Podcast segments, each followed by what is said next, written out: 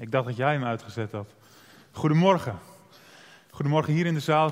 Goedemorgen, voor de mensen thuis of op de Koningshof uh, op Urk. Ik mag met u nadenken over het thema verootmoediging. En dat wil ik doen vanuit Esra, Esra hoofdstuk 9 en het begin van hoofdstuk 6. Uh, maar voordat ik met u lees uit het woord van God, even deze gedachte als, uh, als inleiding. Misschien heb je het wel eens meegemaakt.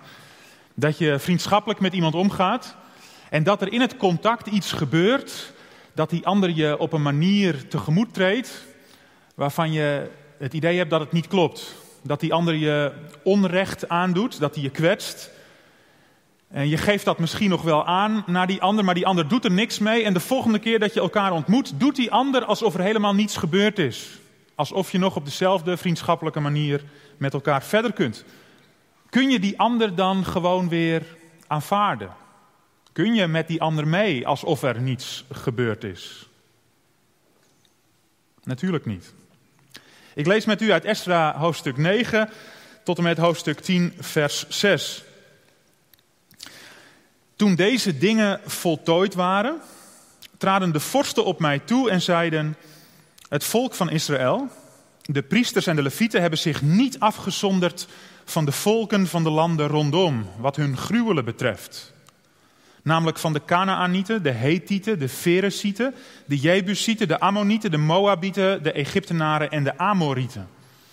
Ze hebben immers uit hun dochters voor zichzelf en voor hun zonen vrouwen genomen en hebben het heilige zaad vermengd met de volken van de landen rondom. En de vorsten en de machthebbers hebben als eersten de hand gehad in deze trouwbreuk. Toen ik deze zaak hoorde, scheurde ik mijn kleed en mijn mantel en ik trok haar van mijn hoofd en uit mijn baard en ging ontzet zitten.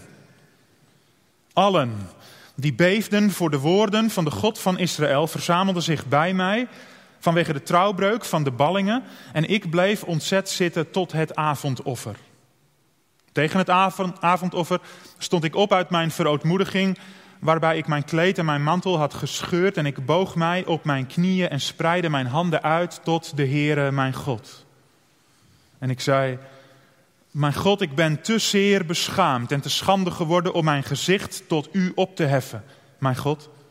Want onze ongerechtigheden zijn talrijk geworden tot boven ons hoofd en onze schuld is groot geworden tot aan de hemel. Vanaf de dagen van onze vaderen zijn wij in grote schuld tot op deze dag en door onze ongerechtigheden zijn wij overgegeven. Wij, onze koningen en onze priesters, in de hand van de koningen van de landen rondom, aan het zwaard, aan gevangenschap en aan plundering en openlijke schande, zoals op deze dag. En nu was er voor een klein ogenblik genade van de Heere, onze God, om ons gelegenheid tot ontkoming te laten en om ons vastheid te geven in Zijn heilige plaats. Om onze ogen te verlichten, onze God. En ons enige opleving te geven in onze slavernij. Want wij zijn wel slaven, maar in onze slavernij heeft onze God ons niet verlaten. Maar heeft Hij ons goedertierenheid bewezen bij de koningen van Perzië door ons enige opleving te geven om het huis van onze God te doen herrijzen en om de ruïnes ervan te herstellen door ons een omheining te geven in Juda en in Jeruzalem.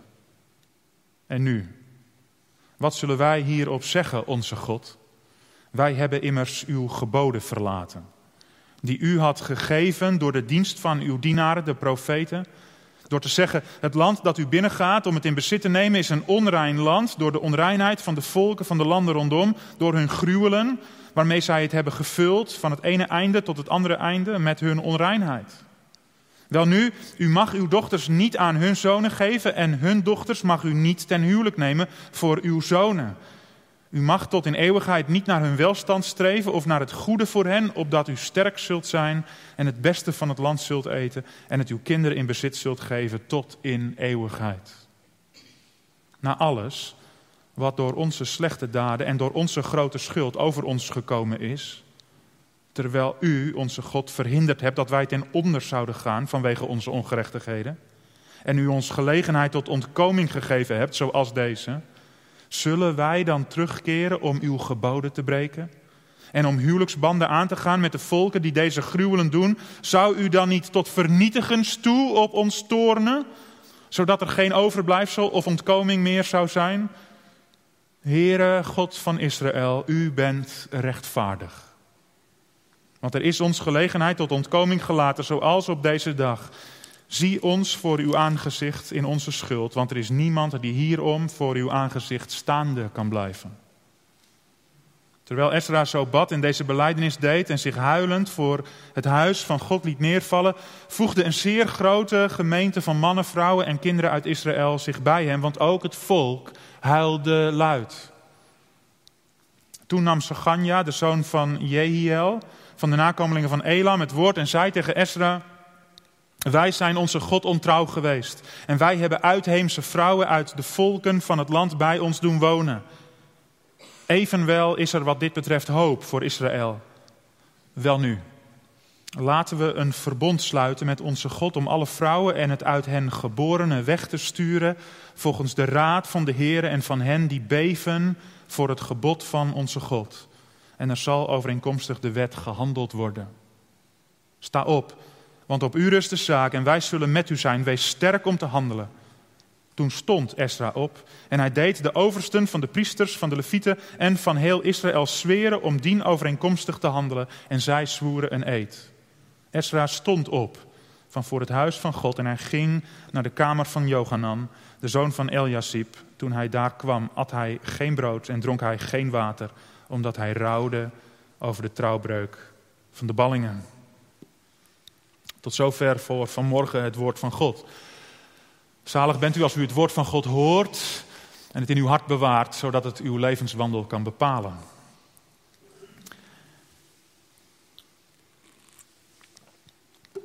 Als we lezen uit uh, Esra hoofdstuk 9, dan opent Esra met de woorden toen deze dingen voltooid waren. En het is van belang dat we even in beeld krijgen wat de context van deze hoofdstukken is wat de context van dat boek Esra is. En dan gaan we in eerste instantie even naar het grote plaatje. En het grote plaatje, dit is het grote plaatje. Dat grote plaatje dat ziet er zo uit. Dat volk van God, dat had God losgelaten. En dat was door leiding van slechte koningen steeds verder bij God vandaan gedwaald. En God had dat volk wel teruggeroepen. Hij had ze aangemoedigd en aangespoord om terug te keren tot Hem. Hij had steeds opnieuw profeten de opdracht gegeven om dat volk terug te roepen, maar het volk had niet geluisterd. En uiteindelijk, nadat de zonde van dat volk dan stapelt en stapelt en stapelt en er geen ruimte voor bekering is, geeft God dat volk over aan de vijand van Israël. En dan gaat dik eh, honderd jaar later, dan dat dat Noordrijk in ballingschap gaat, gaat ook dat, dat Zuidrijk, Juda, gaat in ballingschap. Dat wordt weggevoerd vanuit Jeruzalem naar Babel. En daar moet het dan verder leven. De Babyloniërs die komen en deporteren de bewoners van Juda, van Judea. En zij leven in ballingschap, in gevangenschap in Babel. Dat is het grote plaatje, dat is de achtergrond van dat boek Esra. Maar in Esra, als we dan gaan naar het kleinere plaatje, dan zien we dat Esra geschreven is aan de hand van twee belangrijke opdrachten die gegeven worden door Persische koningen. Dat lazen we in vers 8 of vers 9, even kijken. Uh, het is vers 9. Wij zijn wel slaven, zegt Esra, maar in onze slavernij heeft onze God ons niet verlaten maar heeft hij ons goedertierenheid bewezen bij de koningen van Perzië. En dat zien we als we dat boek Esra goed bekijken. In de opening van het boek, in hoofdstuk 1, lezen we dat Kores, de koning van Perzië, door God wordt opgewekt. En dat Kores zegt in vers 2: Alle koninkrijken van de aarde heeft de Heere, de God van de hemel, aan mij gegeven. En hij is het die mij heeft opgedragen om een huis voor hem te bouwen in Jeruzalem, dat in Juda ligt. Die heidense koning Kores, die wordt door God aangespoord tot herbouw van de tempel. En de ballingen mogen terugkeren naar Jeruzalem en ze mogen daar de tempel van God opnieuw opbouwen. Maar Esra zelf, die die leeft in Jeruzalem als gevolg van een opdracht van een andere koning, koning Artaxasta. Artaxasta die geeft in hoofdstuk 7 opdracht aan Esra om naar Jeruzalem, naar Juda terug te keren. En een deel van de brief die hij dan aan Esra meegeeft, lees ik even voor uit hoofdstuk 7, vers 13. Ehm, daar is Artaxasta dus aan het woord. Daar zegt hij: Door mij wordt bevel gegeven dat iedereen in mijn koninkrijk van het volk Israël, ook priesters en levieten, die vrijwillig naar Jeruzalem wenst te gaan, met u mee mag gaan. Met u, dat is Esra. Aangezien u vanwege de koning en zijn zeven raadsheren bent gezonden om onderzoek te doen in Judea en in Jeruzalem naar de wet van uw God waarover u beschikt. En die heidense koning Artaxasta die geeft dan zelfs de financiën van het koninkrijk mee aan Esra om de dienst aan God te herstellen. Er moeten weer offers gebracht worden.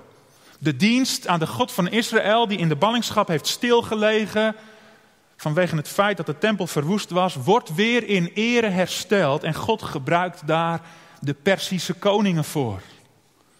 Wat een geweldige bemoediging. God werkt in de harten van koningen die Hem niet kennen, die eigenlijk met Hem geen rekening houden. Maar God is groter. En dan zien we dat Esra, die reist vanuit Babel terug naar Jeruzalem. En als hij daar dan aankomt en gezetteld is, dan blijkt er is een probleem. Wat is dan het probleem? Wat is er nou precies mis? Nou, we lezen die leiders van het volk, de vorsten van het volk, die komen naar Esra toe en ze zeggen in vers 1 van hoofdstuk 9: Het volk, de priesters en de levieten, zij hebben zich niet afgezonderd.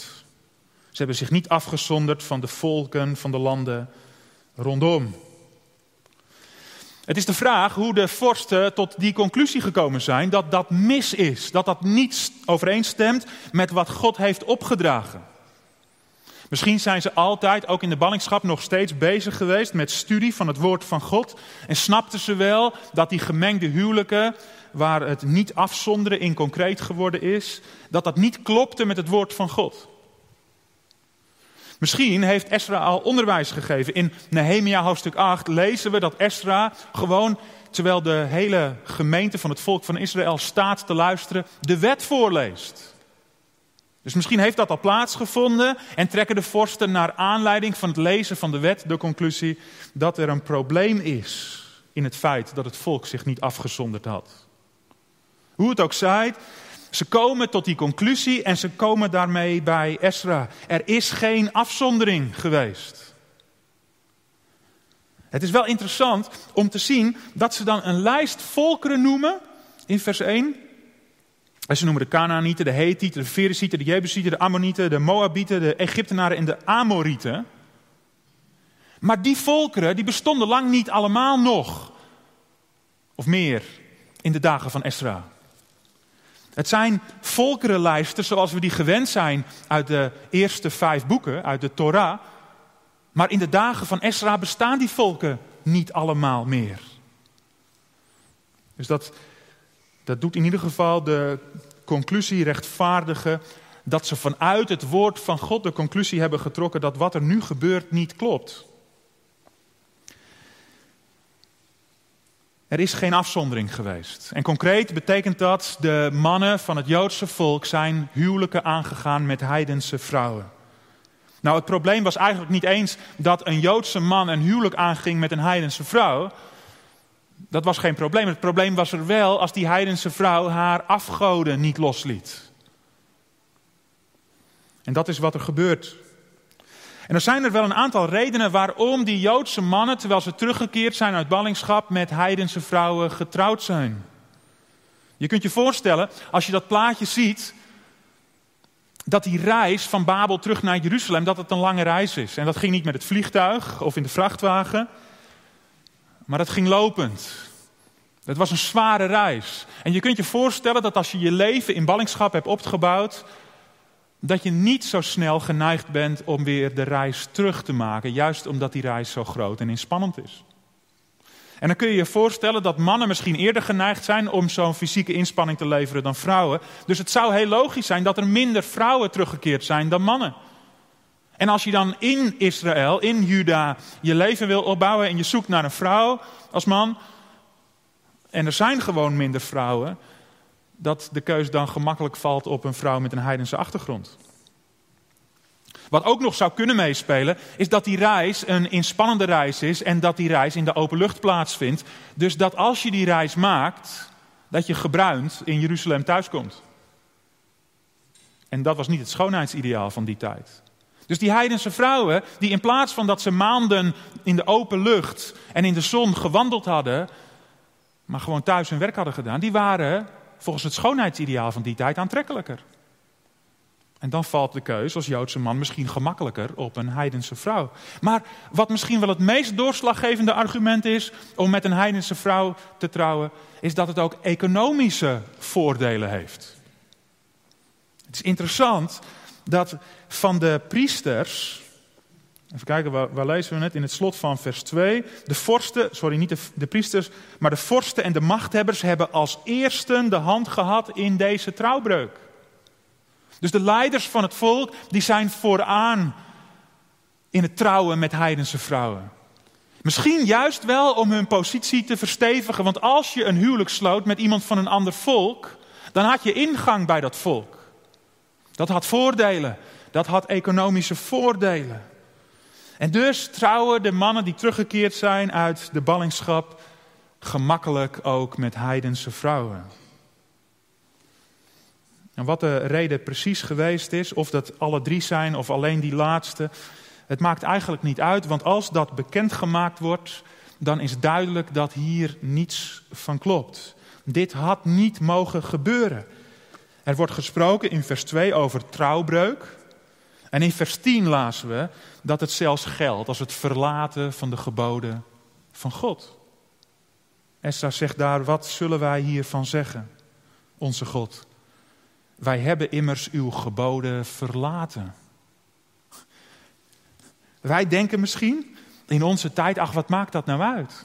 Je gaat een huwelijk aan met iemand uit een ander volk die misschien wel een andere God aanbidt. Wat maakt dat nou uit? Wij denken vandaag de dag in de gemeente van Jezus Christus, wat maakt het nou uit dat een gelovige een huwelijk aangaat met een ongelovige? En misschien dachten de Joodse mannen in de tijd van Esra wel hetzelfde. Misschien dachten ze wel, wat we in de Torah van Mozes gelezen hebben, dat was voor die tijd, maar dat geldt toch vandaag niet meer. Die volkeren bestaan zelfs niet meer allemaal. Dan kan dat toch vandaag niet meer gezaghebbend zijn. Is dat niet ook zo gemakkelijk onze neiging? Als we het woord van God lezen en we iets tegenkomen wat, wat schuurt met de geest van onze tijd, dat we dan geneigd zijn om te zeggen, ja, dat God misschien voor toen en daar. Maar God begrijpt toch wel dat we vandaag de dag andere keuzes moeten maken. Wij voegen misschien gemakkelijk, als we deze geschiedenis lezen, nog dat argument toe dat het gaat om de liefde. En als die Joodse mannen nou trouwen met heidense vrouwen, dan is dat toch een daad van liefde. En dat is toch wat telt voor God. Waarom moet je daar dan zo zwaar aan tillen? Waarom moet er dan zo confronterend en hard op gereageerd worden?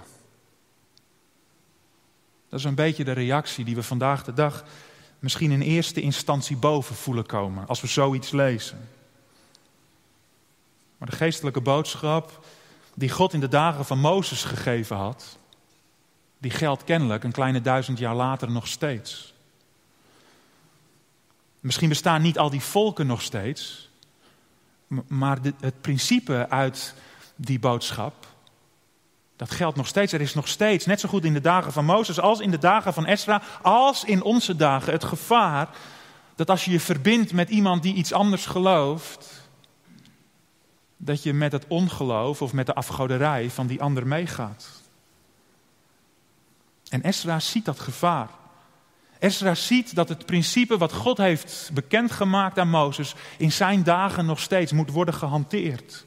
Omdat anders het volk zou kunnen vervallen in de zonde van de vorige generaties. En Ezra schrikt daarvoor terug. Kijk wat hij beschrijft in vers 13 en 14. Na alles wat door onze slechte daden en door onze grote schuld over ons gekomen is. Hij verwijst hiermee naar het verleden. De aanleiding voor het grote plaatje was de zonde van het volk. En God had het wel teruggeroepen, maar het was niet teruggekeerd, zodat het uiteindelijk het oordeel van God moet dragen in de ballingschap door de Babyloniërs. Na alles wat door onze slechte daden en door onze grote schuld over ons gekomen is, terwijl u, onze God, verhinderd hebt dat wij ten onder zouden gaan, hadden we wel verdiend. Maar u hebt het verhinderd. We hadden het verdiend vanwege onze ongerechtigheden. En terwijl u ons gelegenheid tot ontkoming gegeven hebt, zoals deze, die we vandaag meemaken, want we zijn teruggekeerd uit de ballingschap. Zullen wij, vers 14, zullen wij dan terugkeren, terugkeren naar het gedrag van ons voorgeslacht? Om uw geboden te breken en om huwelijksbanden aan te gaan met de volken die deze gruwelen doen? Zou u dan niet tot vernietigens toe tornen? Zou het dan niet zo zijn dat een ballingschap niet voldoende oordeel is, maar dat vernietiging ons lot, ons verdiende loon is? Esra schrikt ervoor terug. Esra maakt hier een groot probleem van, omdat hij zich realiseert: we staan hier door genade van God. We hebben het niet verdiend. En we zijn geneigd om terug te keren naar de zonde van het voorgeslacht. Wat gaat ons dan gebeuren? Vers 8, kijk even mee. Hij realiseert zich, de relatie met God hangt aan een zijden draadje. Of beter gezegd, de relatie met God is verankerd in één enkele haring. Tentpin. Vers 8. Nu was er voor een klein ogenblik genade van de Heer, onze God, om ons gelegenheid tot ontkoming te laten, namelijk terugkeer uit de ballingschap, en om ons vastheid te geven in zijn heilige plaats. Vastheid. Als u het leest in uw Bijbel, ziet u daar een klein sterretje achter staan. En in de voetnoot staat, letterlijk staat hier in het Hebreeuws een pin. Een haring. Esra zegt eigenlijk, we zijn als volk van God teruggekeerd naar het beloofde land. En we mogen de vervallen hut van David, we mogen de tent van Israël weer opbouwen, maar hij staat met slechts één haring in de grond. En dan gaan jullie zo met de geboden van God om. Er hoeft niets te gebeuren of de tent klapt weer om. Esra ziet het gevaar en hij schrikt ervoor terug. Dit kan niet gebeuren. Dit leidt tot een oordeel dat heviger en dieper moet gaan dan de ballingschap van 70 jaar. Dat is het probleem. Dat is het probleem. Wat Esra meemaakt, dat doet denken aan de woorden van Psalm 130. Psalm 130, mensen, ik lees het even voor, alleen vers 3. Psalm 130 in zijn geheel fantastisch om te lezen, maar ik lees even vers 3. Als u, heren, op de ongerechtigheden let, heren, wie zal bestaan? Dat is een beetje de spannende vraag waarvan Esra het antwoord wel weet. En waarom Esra terugschrikt voor de zonde die bij de teruggekeerde uit de ballingschap aan de orde van de dag is.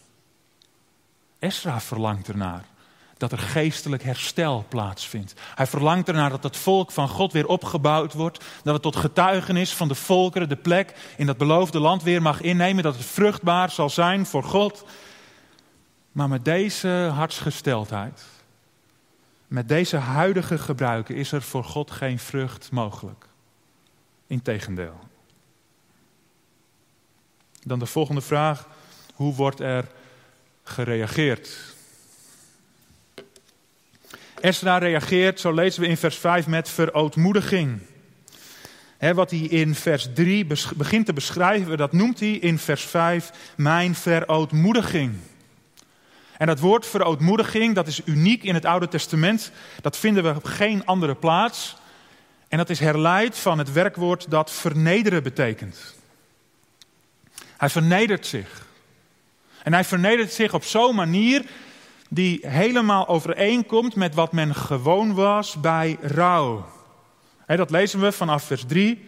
Toen ik deze zaak hoorde, scheurde ik mijn kleed en mijn mantel en ik trok het haar van mijn hoofd en uit mijn baard en ik ging ontzet zitten. Hij heeft de gewone uitingen van rouw, maar hij rouwt niet om een dode. Hij rouwt niet omdat een geliefde gestorven is, maar hij rouwt om de zonde. De zonde die zijn volk heeft omarmd en toegelaten. En dan zien we eigenlijk wat verootmoediging is. Verootmoediging is die combinatie van de vernedering voor God en de rouw over de zonde. Vernedering voor God en rouw over de zonde. Wie zich vernedert, die plaatst zichzelf namelijk in de juiste positie ten opzichte van God. Dat is eigenlijk de boodschap als je de Bijbel leest, die steeds opnieuw naar voren komt. Want God is schepper en wij zijn schepsel, zo zegt Paulus in Romeinen 9. God is eeuwig en wij zijn tijdelijk, zo lezen we in Jesaja 40. God is heilig en wij zijn zondig, Jesaja 1. Hij is God en wij zijn mens, Psalm 8. Uiteindelijk komt de verootmoediging van Ezra uit in de aanbidding. Vers 15 van hoofdstuk 9 zegt Ezra: Heere, God van Israël, u bent rechtvaardig. Het bijzondere is, hij beschrijft de schuld van dat volk. Hij ziet het perspectief, als het zo doorgaat, dan zal het tot vernietiging leiden van het volk. Want er is maar één haring waar die hele tent aan hangt. Het is alsof we aan een zijde draadje hangen, maar hij komt tot aanbidding. Aanbidding niet om bij God af te dwingen wat hij nodig heeft. Niet om God te smeken om vergeving. Aanbidding niet omdat datgene wat God hem zou kunnen geven hem meer waard is dan de gever zelf. Nee, aanbidding eenvoudig om wie God is. U bent rechtvaardig. En hij voegt die woorden toe die die gedachte aan Psalm 130 versterken. Zie ons voor uw aangezicht in onze schuld, want er is niemand die hierom voor uw aangezicht staande kan blijven. Dat is wat we lazen uit Psalm 130. Als u, heren, op de ongerechtigheden let, heren, wie zal bestaan? Niemand. Niemand kan bestaan vanuit zijn tijdelijke, zondige, beperkte aard voor die heilige, eeuwige God. En dus verootmoedigt Esra zich. U bent rechtvaardig. Hij komt tot aanbidding. Als we zien hoe Esra reageert, dan mag dat een aanleiding zijn voor hoe wij met God omgaan. En dan kom ik bij de toepassing. Als we kijken naar hoe wij om kunnen gaan met wat er in ons leven gebeurt, wat niet in overeenstemming is met wat God van ons vraagt, dan kunnen we reageren op een manier die parallel is aan wat Esra ons laat zien. Ik ben ervan overtuigd, mensen, dat deze tijd van pandemie, dat die veel dieper gaat dan alleen maar de ellende die we meemaken in het contact met elkaar dieper gaat in de moeite die we moeten doen om een dienst vorm te geven of bij te wonen. Dat het verder gaat dan het ongemak dat je thuis hebt als een van de kinderen verkouden is en je niet goed weet hoe je daar nu mee verder moet. Omdat er geen testmateriaal beschikbaar is en je toch nog een belangrijke afspraak hebt de rest van de dag of de rest van de week. En je zoekt naar mogelijkheden om je werk gewoon te kunnen doen. Ik geloof dat deze periode van pandemie veel dieper gaat. En dat het niet alleen maar ellende is, maar dat God deze periode ook ten goede kan gebruiken en ten goede wil gebruiken om ons stil te zetten en te laten reflecteren op onze positie ten opzichte van Hem. Ik hoop dat u dat element al ontdekt hebt in de afgelopen maanden. Dat er een enorme rijkdom meekomt in deze periode, omdat we kunnen bezinnen op ons contact met Hem. En dat we stil mogen staan bij datgene wat we in ons leven hebben laten gebeuren. Die in de hectiek, misschien wel zonder dat we er zelf voor gekozen hebben, ons kon overkomen. En dan is deze periode ook een kans. Een kans om te groeien in geloof, een kans om te groeien in dat contact met God, zodat we groeien om vruchtbaar te zijn voor Hem. Maar ook om na te denken over die vraag, wat staat die vrucht voor Hem dan in de weg? En dan kom ik even terug op datgene waar ik mee begon. Hoe kun je verdieping vinden bij God als je nadat je genade hebt geproefd, toch bij de zonde blijft? Hoe kun je vruchtbaar zijn voor God als je de, de Heer als het ware in het gezicht slaat door zijn woord aan de kant te schuiven alsof het tijd gebonden is en vandaag geen gezag meer heeft? Of over jouw leven geen gezag meer heeft? Dat is toch onmogelijk? Je kunt toch ook niet met die ander verder alsof er niets gebeurd is terwijl die je tot in het diepst van je tenen heeft gekwetst? Dan moet er toch eerst iets opgeruimd worden? De rijkdom van de geschiedenis die we bij Ezra lezen is dat er iets opgeruimd kan worden bij God. En dan is de concrete uitwerking wat mij betreft, als we reflecteren op ons contact met de Heer, dat we op zoek gaan naar datgene wat tussen Hem en ons instaat. In eerste instantie zijn er misschien meteen al ideeën bij u bovengekomen, bij jou bovengekomen. Ik denk dat God door de prediking heen en misschien zelfs door de dienst heen al elementen in gedachten heeft gebracht waarvan je weet, dit klopt eigenlijk niet. Eigenlijk zou ik hiermee moeten breken, maar om de een of andere reden zit ik er nog zo aan vast. Durf of kan ik het nog niet los te laten? En dan wil ik je aansporen vanmorgen. Om te breken met datgene waarvan God je al heeft laten zien, dat past niet in jouw leven als volgeling van mijn zoon. Ik wil je uitdagen om als Esra te kiezen voor die houding van verootmoediging. Om je te vernederen voor God. Om te erkennen, te beleiden, zoals we dat zongen in dat lied. U bent Heer. U bent heilig. En ik, ik ellendig mens, ik heb u nodig. En ik heb er een potje van gemaakt, want ik kom wel bij u, maar ik kom met smerig gemaakte handen. U bent Heer en ik heb vergeving nodig en ik kan het nergens anders vinden dan bij u alleen. Volg Esra in de verootmoediging. Verneder je voor God. En dat klinkt misschien helemaal in strijd met wat we vandaag de dag in deze wereld zien. Maar het mooie is, als je die drempel neemt, dan kom je op de plek waar je moet zijn. Als je je vernedert voor God, dan heb je de juiste positie ten opzichte van God. Want daar vind je toekomst. Daar word je vruchtbaar. Daar erken je niet alleen wie God is, maar daar erken je ook wie je ten diepste zelf bent. Schepsel, tijdelijk, afhankelijk.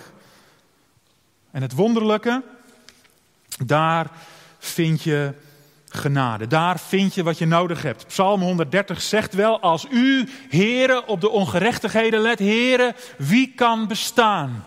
En de boodschap is duidelijk, niemand. Maar het vervolg van de psalm, vers 4 zegt, maar bij u is vergeving, opdat u gevreesd wordt. Verneder je voor de Heer, want dan ben je op de plek waar je moet zijn. Jacobus die zegt het net even anders. Hij zegt over God, hij geeft des te meer genade. Want de schrift zegt, God keert zich tegen de hoogmoedige, maar aan de nederige geeft hij genade. En dan in vers 10 van hoofdstuk 4, Jacobus. Verneder u dus voor de Heer en hij zal u verhogen. Beste mensen, als je deze periode gebruikt om je te bezinnen op je positie ten opzichte van God, neem dit aspect dan mee. En misschien, ik weet niet of de sheet er nog even op kan. Misschien zeg je, ik heb niet in eerste instantie al dingen in mijn hoofd. Misschien dat het niet meteen al duidelijk is, maar dan zou je in tweede instantie kunnen onderzoeken wat nog niet meteen in beeld is. Je zou je voor God kunnen verootmoedigen en maar gewoon die vraag aan Hem kunnen voorleggen. Zoals een gelovige dat misschien wel regelmatig in zijn leven moet doen. Vader, wat zie ik niet, maar staat nog wel tussen u en mij in. God zal het je openbaren. Want hij verlangt ernaar dat er herstel is in die relatie. En dan kom ik als derde aspect ook bij de gemeente uit. En dan wil ik jullie eigenlijk oproepen, en dan wil ik de raad uitdagen om daar misschien het voortouw in te nemen, om na te denken over een proces van verootmoediging in de gemeente. Misschien zijn er dingen in de gemeente gebeurd in het verleden waarvan je zegt, eigenlijk hebben we daar God niet op een goede manier betrokken. Eigenlijk hebben we daar God misschien wel vergeten. Misschien was het wel zo'n situatie zoals er net beschreven werd aan het begin van de dienst. Dat er iets gebeurt en dat het gewoon niet in je hoofd opkomt om in eerste instantie God te betrekken. En zoek je drieënhalf uur lang en kun je het niet vinden. Omdat je God niet gezocht hebt. Zo kan het in de gemeente ook gaan. In de gemeente in Kampen, waar ik tien jaar voorganger geweest ben, hebben we op een gegeven moment een proces van verootmoediging gehad. En nadat we met elkaar geknield hebben, nadat we met elkaar gebeden, nadat we met elkaar God gezocht hebben, hebben we richting gevonden voor de jaren daarna. Er is visie ontstaan vanuit de verootmoediging. Niet vanuit de managementmodellen, maar vanuit de verootmoediging. En ik wil jullie stimuleren om te onderzoeken of dat misschien hier mogelijk is. Misschien hebben jullie zo'n proces achter de rug en uh, zeg je, hebben we net gedaan. Ik wil daarbij in ieder van jullie, of je nou hier zit of dat je thuis zit te luisteren of op Urk, ik wil ieder van jullie ook stimuleren om, om te kijken als er misschien iets in je hart opkomt waarvan je zegt, dit moet ik bespreekbaar maken, om niet door angst de mond maar te sluiten, maar om ermee te komen. En dan wil ik je bemoedigen met de situatie van Esra. Misschien denk je wel, wie ben ik nou dat ik iets zou zeggen over die situatie, want ik heb er wel van gehoord, maar ik ben er niet zelf bij betrokken geweest. Je bent wel onderdeel van de gemeente. Esra was niet betrokken bij de gemengde huwelijken van zijn volk, maar het was wel zijn volk. En hij neemt wel het voortouw in de verootmoediging. En dan lezen we in vers 4: Allen die beefden voor de woorden van de God van Israël, verzamelden zich bij mij. Hij begon wel alleen, maar hij stond niet alleen. En dat is wat we in hoofdstuk 10 ook zien. Als Ezra schuldbeleid en zich huilend voor het huis van God liet neervallen, staat er, voegde een zeer grote gemeente van mannen, vrouwen en kinderen uit Israël zich bij hem, want ook het volk huilde luid. Misschien voel je je bezwaard om iets aan te kaarten waarvan je denkt dat het niet klopt. Ik wil je eigenlijk stimuleren op basis van wat we hier lezen, om het toch bespreekbaar te maken. Ga niet meteen zitten op de lijn dat je de waarheid in pacht hebt, maar ga het open gesprek aan en onderzoek wat er mogelijk is. Om datgene wat er in het verleden is geweest, misschien wel juist als gemeente, als collectief, om het aan God voor te leggen en om het op te ruimen. Om te komen tot vernieuwde relatie met God, verdiepte relatie met God. Om te komen tot vrucht. Meer nog dan er nu al zichtbaar is. Om te komen tot een getuigenis waarin Jezus Christus wordt gehoord en gezien en mensen tot levend geloof komen. Ik wil jullie daartoe stimuleren. De houding van Esra, of je het nou toepast voor het collectief van de gemeente of voor je eigen leven, die houding van Esra betekent een doorbraak in de heiliging voor de heilige. Mag onze houding de houding van Esra weerspiegelen? Dat het heiliging van onszelf en dat het heiliging van onze gemeente betekent. Voor de heiligen. Amen. Mag ik met u bidden?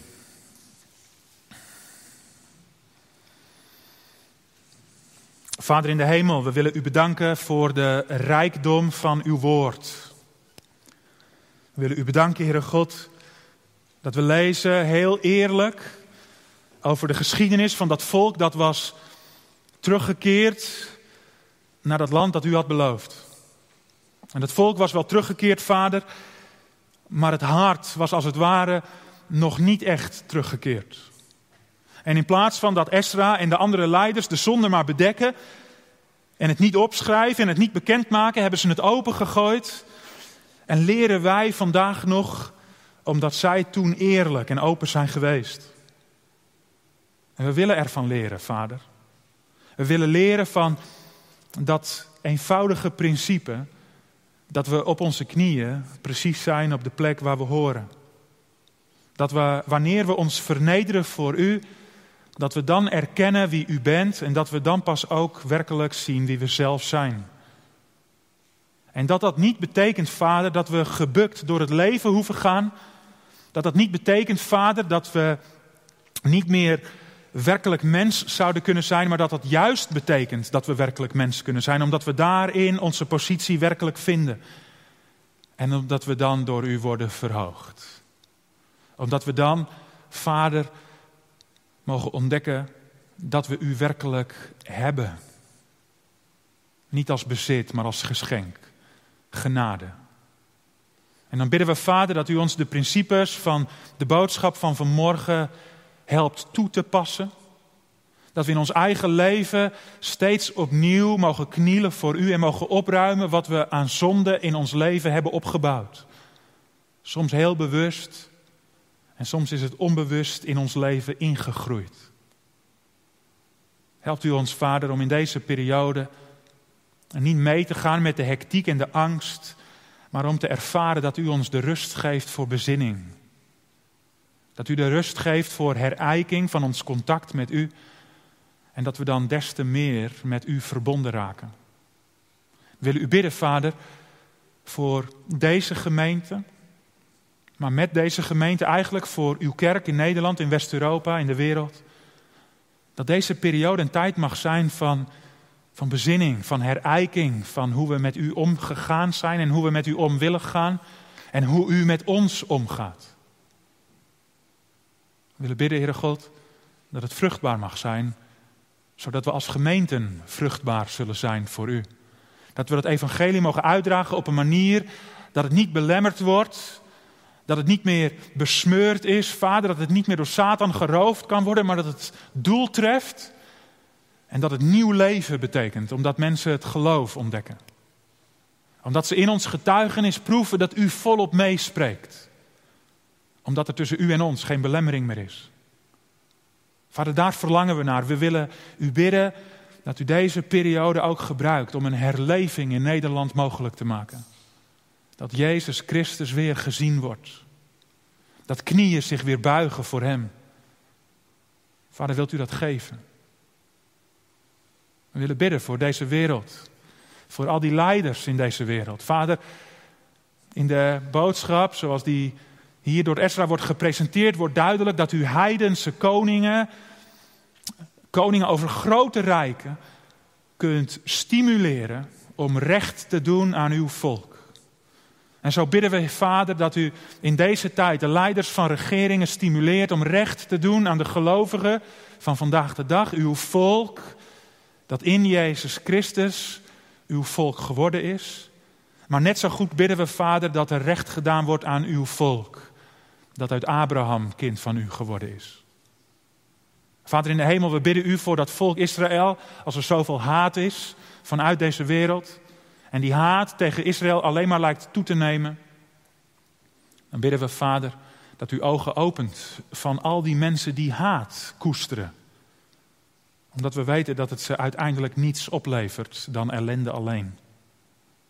Wilt u ze tot inkeer brengen? We bidden u voor uw volk Israël, Vader. Want het leeft wel vanuit de erfenis, maar tegelijkertijd mist het de diepe rijkdom van de Messias. En bidden we dat u binnen Israël ogen opent voor de Heer Jezus, de Messias van Israël. Dat Hij al gekomen is. En dan is het ons verlangen, Vader, dat we naast uw volk Israël zijn tweede komst mogen verwachten. Dat we gezamenlijk uitzien naar Hem. Vader, we bidden u voor deze wereld, voor uw kerk in deze wereld. En we danken u dat u trouw bent. Dat u door welke pandemie, welke oorlog of welke ramp niet terugschrikt. Dat u uw plan niet laat varen, maar dat u trouw bent. Dwars door alles heen. Ook met ons. Geprezen zij uw naam daarvoor. Amen.